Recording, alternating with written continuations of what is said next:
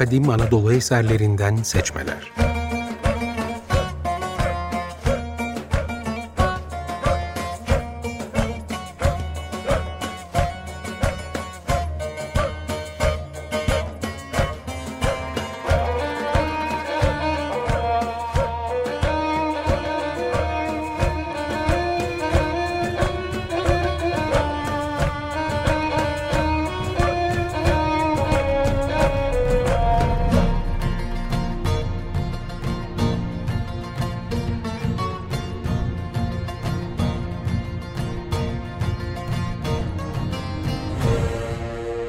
Hazırlayan ve sunan Haluk Mimaroğlu. Ben Haluk Mimaroğlu. Bu hafta sizlere Van Kalesi'nin güney yamacında bulunan kadim Pers uygarlığının İran dışındaki tek duvar yazıtını tanıtmaya çalışacağım. Yazıtta yazılanlara geçmeden kısaca Pers tarihine ve Anadolu'daki etkilerine de değineceğim. Milattan önce 600'lerde kuzeyden gelen İskit akınlarının zayıflattığı Asurların yerine İran'dan gelen Medler Anadolu'ya girip Kızılırmak Havzası'na kadar yerleştiler. Medler İran platosunun kuzeybatısında Hamadan eski adıyla Ekbatana yakınlarında yerleşik kabilelerden oluşurken güneyde Zaros dağlarının eteklerinde çok eski uygarlıkların geliştiği Elam bölgesinde Anşan'da Pers kabileleri vardı. Persler Medlerin himayesinde olmakla beraber soylu evliliklerle ilişkilerini pekiştirmişlerdi. Med kralı Astyages'in kızı Mandane ile Anşan kralı 1. Kambises evlenmiş. Bilahare oğulları 2. Kiros Perslerin başına geçmişti. Milattan önce 550'de Anşan bölgesinin kralı 2. Kiros, dedesi Med kralı Astyages'in yerine geçerek Pers İmparatorluğu olarak bilinen Ahameniş İmparatorluğunu kurdu. Bundan sonra Kiros fetih hareketlerine girişti. Önce Lidya'yı ve zenginliğiyle ünlü Lidya kralı Krozos'un servetini ele geçirdi. Tüm Anadolu'yu hakimiyeti altında birleştirdi. İlk olarak Lidya'da basılan altın paralar tüm ülkede kullanılmaya başlandı. Babil, Fenike gibi zengin yerleri fethedip ülkeyi zengin bir krallık haline getirdi.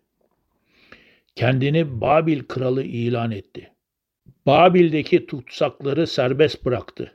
Böylece kökleri Orta Asya'ya kadar uzanan inançlar, Yakın Doğu inançları ile birleşerek Akdeniz sahillerine ulaştı. Oradan da çeşitli dinlere karışarak günümüze kadar geldi. Kral II. Kiros 30 sene içinde Büyük Kral Kiros ünvanını almakla kalmadı. Pers kralı Anşan kralı, Medya kralı, Babil kralı, Sümer ve Akat kralı, dünyanın dört köşesinin kralı ünvanlarını da aldı. Dünya tarihini değiştirecek bir imparatorluk kurdu. Kuzeydoğu'yu sağlamlaştırmak için Asya'nın hakimi İskitlerle savaşırken Kraliçe Tomris'in ordusuna yenildi ve öldü. Yerine oğlu Kambises geçti. Kambis varis bırakmadan öldü yerine kandırmaca ile kardeşiyim diye aslında bir med rahibi olan Gomata'nın başını çektiği mecusiler geçti. Bundan hoşnut olmayan Pers soyluları bir saray darbesiyle ölümsüzlerin başı batıda Darius olarak anılan birinci Dara'yı imparator yaptı. Milattan önce 522'de birinci Dara tahta geçtiğinde Mısır alınmış, sıra Trakya ve Makedonya'ya gelmişti. Dara, rakip olarak gördüğü Mecusi Rahipler Teşkilatı'nı ve Magilerin etkisini yok edip Zerdüşlüğü devlet dini olarak kabul etti. Dara, saltanatının ilk yıllarında çok sayıda ayaklanmayla karşı karşıya kaldı. Bu isyanları etkili bir şekilde bastırdı.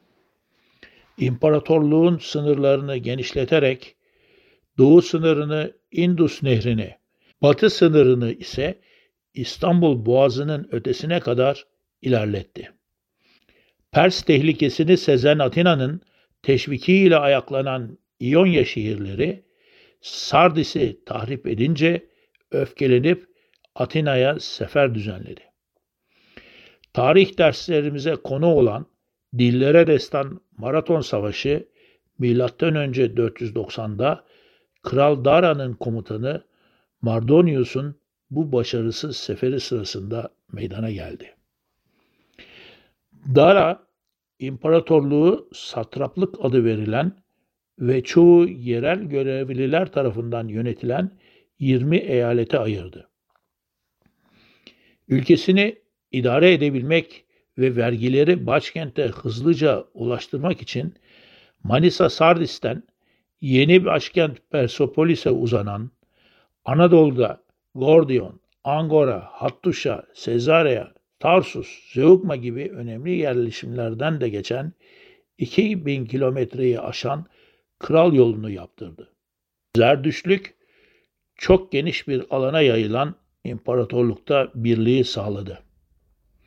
Zerdüşlük Akdeniz kıyılarına kadar yayıldı. Ne ilginçtir ki Hristiyan inanışlarına göre Hazreti İsa'nın dünyaya gelişini müjdeleyen üç bilgenin de aslında Magi diye bilinen bu rahiplerden olduğu söylenmektedir.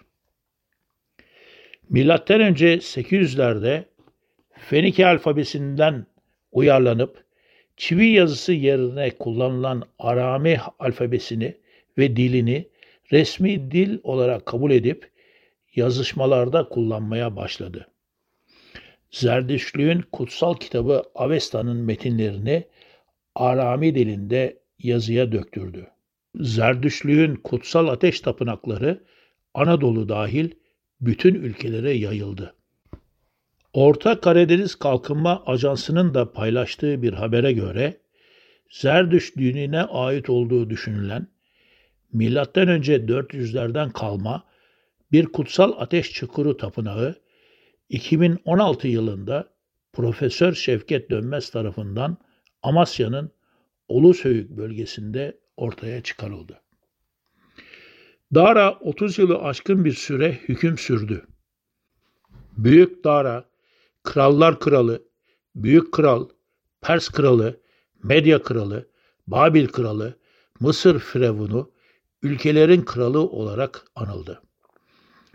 Büyük İmparator Dara, Mısır'dan Hindistan'a, Trakya'dan Afganistan'a, Anadolu'dan Basra'ya kadar uzanan ülkesinde reformlar yapıp hakimiyetini pekiştirirken yaptıklarını da zamanın geleneklerine uygun olarak dağlara taşlara yazdırmayı ve kazıtmayı ihmal etmedi. Bunun için binlerce yıllık çivi yazısından uyarladığı eski Persçe çivi alfabesini yarattı. Persepolis'te, Susa'da, Nakşi Rüstem'de, Beystun'da adını, tanrısını ve yaptıklarını dağlara, taşlara, anıtlara bu yazı ile kazıttı. Hakimiyetinin bütün ülkelerde hissedilmesi için hepsini iki ya da üç dilde yazdırdı. Dara zamanında Beystun dağlarına üç dilde Persçe, Babilce ve Elamca yazılan yazıttan yola çıkan Alman dil bilimci Grotefel 1802 yılında çivi yazısını çözme çalışmalarına başladı.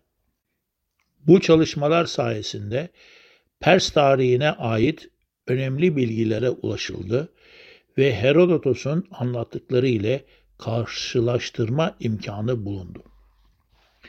Yazıtlarda Pers İmparatorluğu'nun tanrısından krallarına, kralların soylarından tahta geçiş süreçlerine, isyanlardan fethedilen ülkelere kadar pek çok önemli bilgi bulunmaktadır. Başkent Persepolis'te çeşitli ülkelerden gelen tutsakların birbirlerine zincirlenmiş halini gösteren kabartma resimler ya da değişik ülke vatandaşlarının krallara sunduğu ürünleri gösteren dağ yamacındaki kabartma resimler yazıtlarda anlatılanları kanıtlar niteliktedir. Kral Dara ülkesinin çeşitli yerlerine kazıttığı bu görkemli yazıt ve resimlerin benzerlerini muhtemelen Anadolu'daki hakimiyetini de vurgulamak için yaptırmak istedi. Tuşpa'da Urartu ülkesinde Van Kalesi'nin bulunduğu dağın yamacında bu haftaki konumuz olan yazıt için yer hazırlattı. Ancak yazıtı yazdırmaya vakti yetmedi ya da bilmediğimiz bir nedenle yazdırmaktan vazgeçti. Sebebi her neyse yerine geçen oğlu ikinci Serhas ya da Batılıların ikinci Xerxes diye adlandırdığı yeni kral, babasının hazırlattığı düz zemine boş kalmasın diye bir yazı yazdırdı. Bu yazıtın sözleriyle programımıza devam etmeden önce Zerdüş'ten nameler içeren kısa bir müzik arası verelim. Açık Radyo, Kadim Anadolu eserlerinden seçmeler programındayız.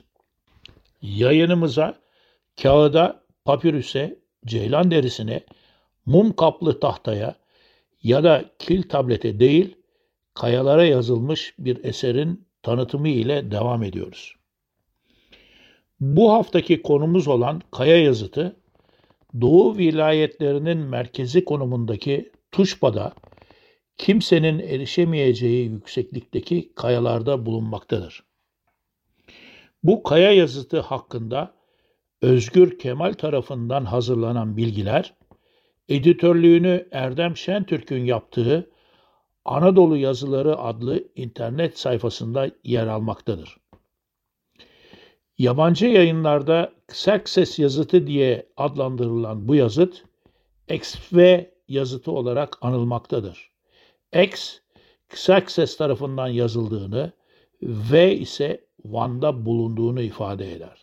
Xerxes'in adı Farsça okunuşuna benzetilerek Türkçe'de Serhas olarak kullanılmaktadır.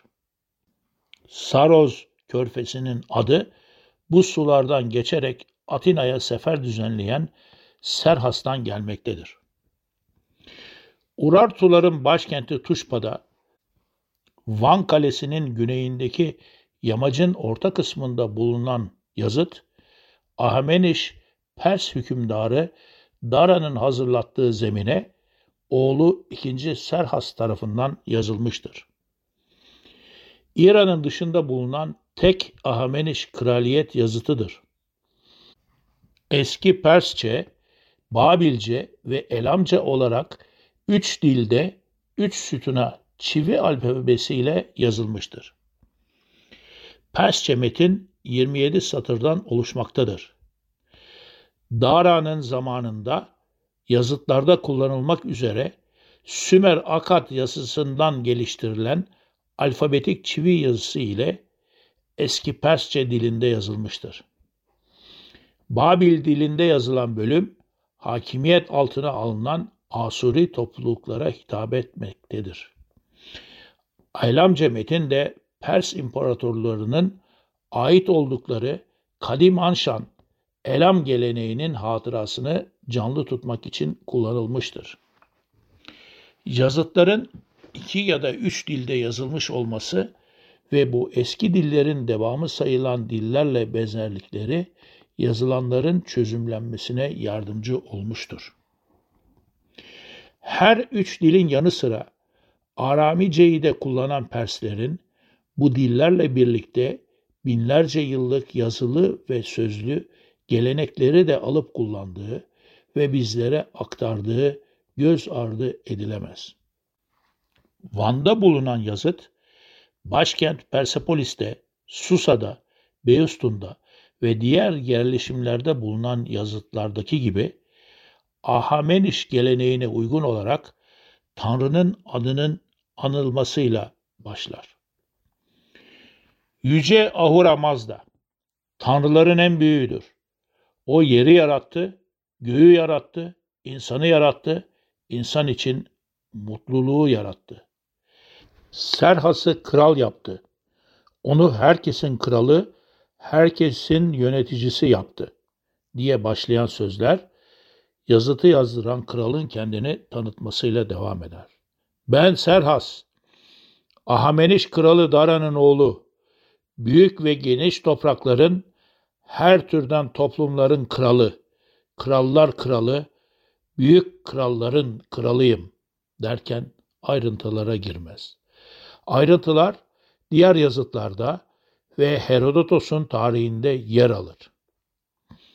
Küros'un, Dara'nın, Serhas'ın yönetimindeki toplumların adları her seferinde tek tek sayılır. Mısır'dan Arabistan'a, Hindistan'dan Baktriya'ya, Ege sahillerinden Trakya'ya, İonya'dan Kapadokya'ya, Lidya'dan Karya'dan Likya'ya, Babil'den Elam'dan Persiya'ya pek çok ülkenin adlarına bu belgelerde rastlanır. Yazıtlardaki Skudra, Yauna kelimeleri dilimizdeki Üsküdar ve Yunan kelimelerini çağrıştırır. Belli ki yazıtta geçen Skudra İskitlerden, Yauna da İonya'dan gelmektedir. Kral Serhas diğer yazıtların aksine hayat hikayesini yazmak yerine yazıtın maksadını kısaca belirterek sözüne son verir. Kral Dara, babam Ahura Mazna'nın lütfuyla çok sayıda şeyler yaptı ve yazılsın diye bu panoyu hazırlama emri verdi. Fakat buraya henüz bir kitabe yazılmamıştı. Bu yazıtın yazılmasını ben emrettim diyerek nedense yaptıklarını anlatmadan sözünü bitirir. Zaten yaptıkları diğer yazıtlarda uzun uzun yer almaktadır. Serhas geleneğe uygun olarak sözünü Ahura Mazda ve diğer tanrılar beni, krallığımı ve yaptıklarımı korusun diye bitirir. Yazıtta adı geçen tanrı Ahura Mazda, Türkçe'de Hürmüz olarak bilinir. Eski Pers İmparatorluğu resmi dini Zerdüşlüğün baş tanrısıdır. Kötülük tanrısı Ehrimen ile sürekli mücadele içindedir.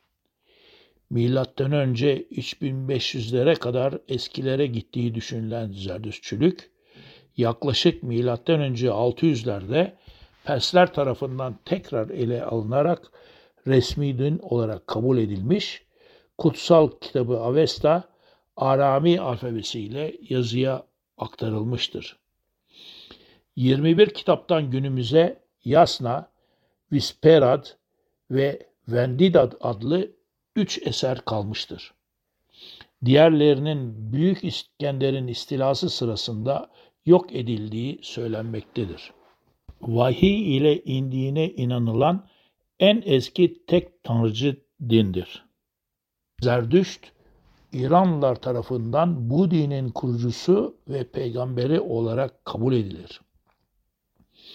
Ahura Mazda'dan doğruyu yaymak görevini aldığına inanılır. Zerdüşt, Ahura Mazda'nın en büyük tanrı olduğunu, öteki birçok tanrı arasında yalnız ona tapmak gerektiğini savunur. Zerdüşlük, İslam dini ne kadar İran ve civar ülkelerinin resmi dini olarak kalmıştır. Halen Hindistan'a göç eden Parsiler bu inancı devam ettirmektedirler. Avesta'yı oluşturan Gatalar, Yasnalar, Yaşlar da eski zamanlara ait tarih, kültür, inanç, gelenek ve görenekler ile mitoloji ve kahramanlıklar üzerine başka kaynaklarda bulunmayan bilgiler vardır. Hayvancılığın önemine, büyük sürelere sahip kahraman kişilere göçebelikten tarıma geçişin izlerine rastlanır. Zerdüşlükte kutsal bakire, miraca çıkma, Tanrı ile yüz yüze görüşme, ölmeden cennet ve cehennemi görme, eğlenceli, şarkılı, türkülü cennet motiflerine de rastlanmaktadır. Toprak, su, hava ve ateşin kutsallığı, ayinlerden önce yıkanarak arınma geleneği, günde beş vakit kutsal ateşin gözlenmesi gibi ritüelleri de vardır. Bu ve buna benzer eski İran düşüncelerinin Yunan, Roma ve Yahudi düşüncelerini etkilediği düşünülmektedir. Avesta'da yer alan 11 ve 8 heceli manzum bölümler Orta Asya milletlerinin eski çağlardan beri şiir söylediklerinin göstergesinin biridir. Dara'nın hazırlayıp oğlu Serhas'ın tamamladığı bu Van yazıtı Pers İmparatorluğu'nun çeşitli başkentlerinde bulunan yazılarla beraber ele alındığında muhteşem bir imparatorluğun yedi düvelde kurduğu düzeni yansıtır. Günümüze sapa sağlam ulaşan bu esere hayran kalmamak mümkün değildir. Asırlar süren bu devletin yazıcısıyla, kanunlarıyla, çeşitli halklardan ve belediyetlerden oluşan ortak kültürü ile tarih iz bırakmış olmasını görmezden gelmek, milattan önce 600'lerde bu kadim medeniyetler sayesinde Ege sahillerinde ortaya çıkan medeniyetin Yunanistan'dan geldiğini söylemek ve bunu Yunanlara mal etmek en azından bu kadim medeniyete haksızlık etmek demektir. Yazıtta kayda geçen birkaç satırdan yola çıkarak Perslerin Anadolu'ya gelmesiyle Doğu kaynaklı kültürlerin güneyden gelen kültürlerle harmanlanıp Ege sahillerinden Akdeniz'e doğru yayılmasına tanık olduk. Ülkemiz sınırlarında oluşan bu büyük değişimin etkileri akademik çalışmaların da konusu olmaktadır. Bu konu İsveç Araştırma Enstitüsü'nün İstanbul'da düzenlediği Anadolu'da Ahmenişler adlı bir sempozyumda 2017'de ele alındı. Yayınlanan bildirilerde bir taraftan Anadolu kültürünün yazarın deyimiyle Helen kültürüne indirgenemeyeceği belirtilirken, diğer taraftan Ege kültürlerinin tamamının yine yazarların deyimiyle Grek kültürü olarak ele alınması ve bu anlayışı sorgulayan hiçbir sunumun sempozyumda bulunmaması şaşırtıcıdır. Bu tebliğlerde muhtemelen maksatlı olarak İyon yerine Grek ve Helen kelimelerinin kullanılmasıyla yaratılan algıyı önlemek ve zaman içinde düzeltilmesini sağlamak bizlere düşmektedir. Ne yazık ki ülkemizde de Asur'dan, Mısır'dan, İran'dan, Asya'dan, Anadolu'ya binlerce yıldır gelen bu kadim medeniyetler dikkate alınmadan felsefe dersleri başta olmak üzere fen bilimlerinden mimariye, şiirden destana, tarihten coğrafyaya, kozmolojiden astronomiye, cebirden geometriye her şey Yunan eseri olarak sunulmaya devam edilmektedir. Tarih boyunca akın akın Asya'dan, Mısır'dan, İran'dan, Yakın Doğu'dan Anadolu'ya gelip karışan medeniyetlerin izleri dinden adetlere, yemekten kıyafetlere, müzikten danslara, çalgılardan makamlara kadar başka hiçbir toplumda olmadığı kadar zenginliklerle dolu hayatımızda yer almaktadır. Bu programda tanıttığımız eserler insanlığın geliştirdiği medeniyetlerin binlerce yıldır Anadolu'da yoğrulduğuna tanıklık etmektedir. Batı medeniyetinin önümüze geçip bunlara sahip çıkmasını ve bizleri hor görmesini engellemek ancak bizim bu zenginliklere sahip çıkmamızla mümkün olacaktır. Bu görevde bize düşmektedir. Çünkü tüm bu saydıklarımızın izleri kimisi toprak altında, kimisi kitaplarımızda, kimisi dilimizde, kimisi üstümüzde, kimisi inancımızda, kimisi adetlerimizde, kimisi türkülerimizde hala yaşamaktadır.